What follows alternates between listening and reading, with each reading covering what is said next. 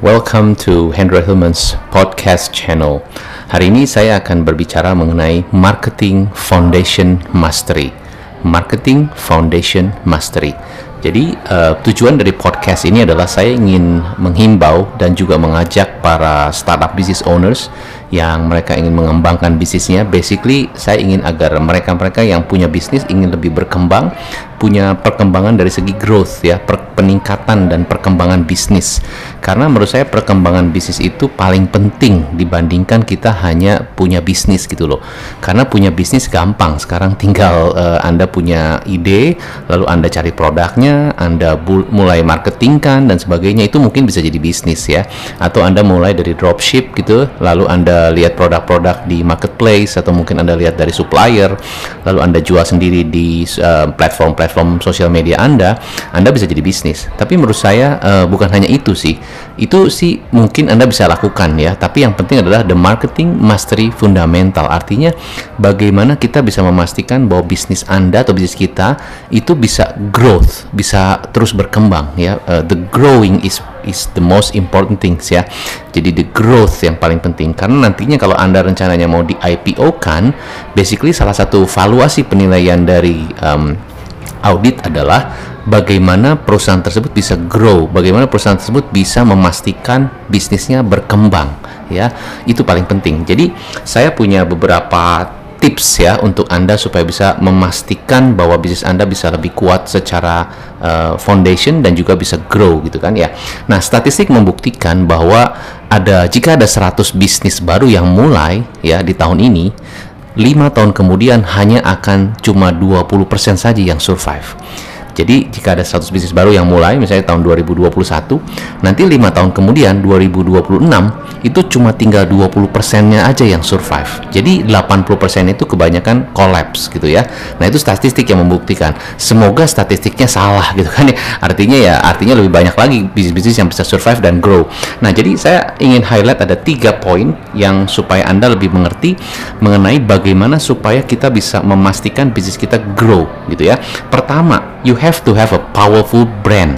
Jadi brand bisnis Anda harus sangat kuat karena zaman sekarang orang-orang atau calon customer itu semakin kritis. Mereka akan betul-betul melihat dari keunikan, keunggulan, um, juga strength dari sebuah brand ya.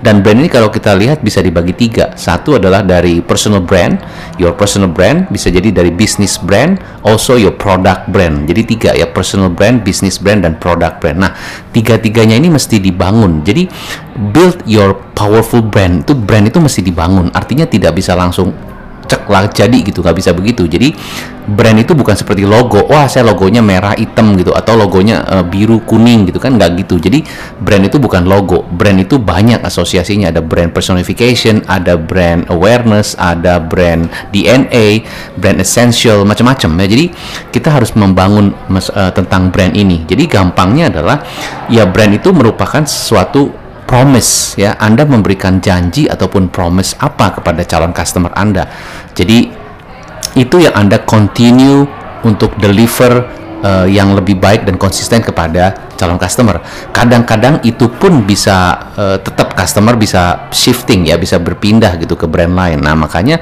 paling penting the brand ya, paling penting itu sangat penting. Jadi bagaimana Anda bisa mempertahankan brand Anda dengan promise yang diberikan secara konsisten dan kalau bisa terus-terusan kaizen, terus-terusan improve ya. Contoh brand yang bagus menurut saya adalah salah satu brand yang bagus adalah uh, eh, DHL ya, DHL. DHL ini um, bisnis pengiriman ya, pengiriman dokumen, pengiriman barang dan sebagainya, tapi dia promise bahwa pengirimannya akan sampai ke tangan si penerima lokasinya di mana pun masuk gang kecil jalan kecil-kecil masuk gitu ya tetap bisa diterima oleh si penerima. Maka DHL saat ini masih jadi top of mind of delivery um, service company gitu ya in the world ya. Nah itu juga sama. Jadi uh, kita bagaimana kita bisa mencapai itu? Karena dia build the brand ya dan dia continuously continuously uh, maintaining the promise gitu ya. Saya deliver bahkan dia punya satu tagline gitu kan. Tagline-nya uh, salah satunya adalah pokoknya kita delivering um, with with a great deal of of satisfaction gitu ya. Kan intinya begitulah. Nah itu satu. Jadi powerful brand. Nah jadi uh, setelah itu ya bagaimana anda supaya bisa memastikan bisnisnya bisa grow dan juga bisa um, sustain? Satu adalah powerful brand. Kedua adalah you need to have um, produk-produk yang bisa ngikutin tren ya. Produk-produk yang mengikuti gaya sekarang. Jangan sampai anda punya produk ya tetapi tidak mengikuti gaya sekarang. Artinya gini loh yang kita ikuti itu adalah target marketnya atau spesifik who-nya ya. Jadi who targetnya. Who is your market gitu loh. Misalnya contoh ada satu produk coklat terkenal di Indonesia ya number one mungkin top of mind di Indonesia coklat batangan gitu ya. Nah uh, uh, uh, coklat bar gitu kan. Nah dari zaman dulu tahun 80-an tahun 90-an sampai sekarang targetnya tetap sama. Jadi um, orang-orang teenagers yang usia di antara ya mungkin 17 sampai dengan 24 25 begitu kan itu targetnya seperti itu. Jadi nah cuman orang-orang yang um, lahir di tahun 70-an ya dan dia grow up ya grow upnya berarti sekitar pada saat dia usia 18 17 sekitar 90-an. Nah, pada sekarang tahun 2020 2021 mereka sudah berumur 40-an. Nah, jadi, tapi iklan dari si produk coklat ini masih mengikuti gaya anak-anak remaja yang sekarang. Berarti iklannya totally beda gitu ya. Jadi, produknya sama, tetapi iklannya berbeda karena target marketnya usianya di 20 uh, orang-orang yang 20 tahun atau 18 19 tahun itu gayanya beda sekarang. Jadi the positioning of the ads ya itu beda banget. Nah, jadi itu maksudnya saya. Jadi poinnya adalah Anda harus mengikuti who-nya Anda target marketnya Anda, mereka gayanya ke mana, mereka arahnya ke mana, lifestyle-nya gimana. Bahkan mungkin Anda harus jadi dia, Anda harus keluar dari sepatu Anda dan jadi mereka. Baru Anda benar-benar bisa ngerti bahasa yang digunakan apa, mungkin kata-katanya gimana. Contohnya misalnya kalau kita masuk ke uh, anak-anak uh, yang usia atau anak remaja ya atau mungkin ya anak muda lah yang usia sekitar 18 sampai dengan mungkin 22 ngomongnya mungkin lebih bahasa-bahasa gaul gitu kan ngeselin ih gitu ya atau um, uh, apa bahasa-bahasa begitu gak nggak terlalu kaku gitu kan. Jadi ada bahasa-bahasa yang mungkin kita pakai gitu kan. Dan mereka mungkin ada mix antara bahasa Inggris dan bahasa Indonesia ya. Biasanya kalau kita usia mungkin di atas 40-an segala macam biasanya kita bahasanya benar-benar baku terima kasih gitu kan. Kalau mereka mungkin thank you ya gitu lah. Jadi kayak gitu-gitu. Nah jadi sebagai um, marketer ya sebagai marketing genius selain kita harus membangun brand kita kita pun juga harus mengikuti tren ya. Target market itu ke mana bahasanya gimana, lifestyle-nya seperti apa. Kalau enggak, kita pasti akan ketinggalan. Dan harusnya kita bukan hanya ngikutin, tapi malah kita di depan gitu kan. Di depan, artinya kita juga bisa melihat si anak-anak itu ataupun target market kita tuh mereka dreamnya ke mana ya itu yang harusnya kita lebih fokus oke okay? jangan cuma ngikutin tapi dreamnya mereka ke mana gitu kan nah, makanya ada beberapa lagu-lagu tertentu gitu kan musik-musik tertentu mereka melihat bahwa um, targetnya adalah anak-anak muda dan anak-anak muda itu melihat future-nya ke mana. Oh dia mencari jati diri mencari identitas. Maka dia waktu saat dia bikin musik video dan sebagainya itu jelas identitas itu yang diangkat. Nah jadi pada saat si target marketnya menonton video tersebut mereka melihat wah bukan hanya sekedar musiknya ya tetapi dalam video klip itu dia merasa wah ini gue banget dan gue merasa gue pengennya ke depannya memang kayak gitu gitu loh. Jadi dia bisa membayangkan hope-nya ataupun future-nya seperti apa itu keren banget. Uh, apa yang saya lakukan adalah saya fokusnya di target marketnya adalah pengusaha ya. Seperti anda yang dengerin podcast saya basically ya. Pengusaha yang seperti apa? Pengusaha yang ingin maju ingin belajar ingin grow terus. Nah saya melihat ke depan apa yang akan di inginkan dari uh, kacamatanya seorang pengusaha ataupun target market saya adalah mereka ingin selalu bisnisnya itu berkembang terus dengan strategi strategi strategi marketing yang terbaru. Maka saya melihat 2-3 tahun ke depan kira-kira strategi marketing yang terbaru apa? Salah satunya adalah kita harus bisa menguasai beberapa platform um, sosial media bukan hanya di Instagram atau di YouTube yang sudah umum tapi salah satunya podcast gitu kan. Nah ini adalah salah satu bentuk future um, marketing yang saya lihat gitu loh. Ya nanti ada mungkin ada berbagai macam platform lagi. TikTok udah jelas lah. Harusnya itu adalah bagian dari um, marketing communication channel yang harus kita gunakan juga. Nah seperti itu jadinya ya. So coach kalau saya misalnya jualannya adalah jualan nasi kuning gitu kan ya. Nasi kuning kan target marketnya siapa? Oh keluarga mungkin gitu kan, keluarga yang yang makan pagi bersama gitu kan, mungkin ah, target marketnya keluarga. Nah cuma gimana kuning nasi kuning ini bisa dikemas sesuai dengan keluarga zaman sekarang?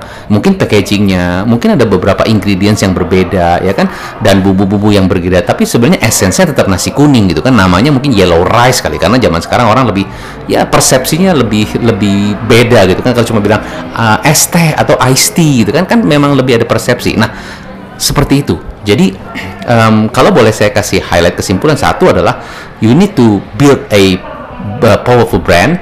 Nomor dua adalah Anda perlu mengikuti um, trennya target market Anda ke mana. Bahkan Anda melihat dari arah future-nya gitu kan ya. Nah poin ketiga, poin ketiga adalah communication marketing, marketing communication. Ini juga penting. Jadi communication marketing itu juga salah satu strategi bagaimana Anda bisa melebih mengikat lagi membuat si customer Anda selalu mengikuti Anda.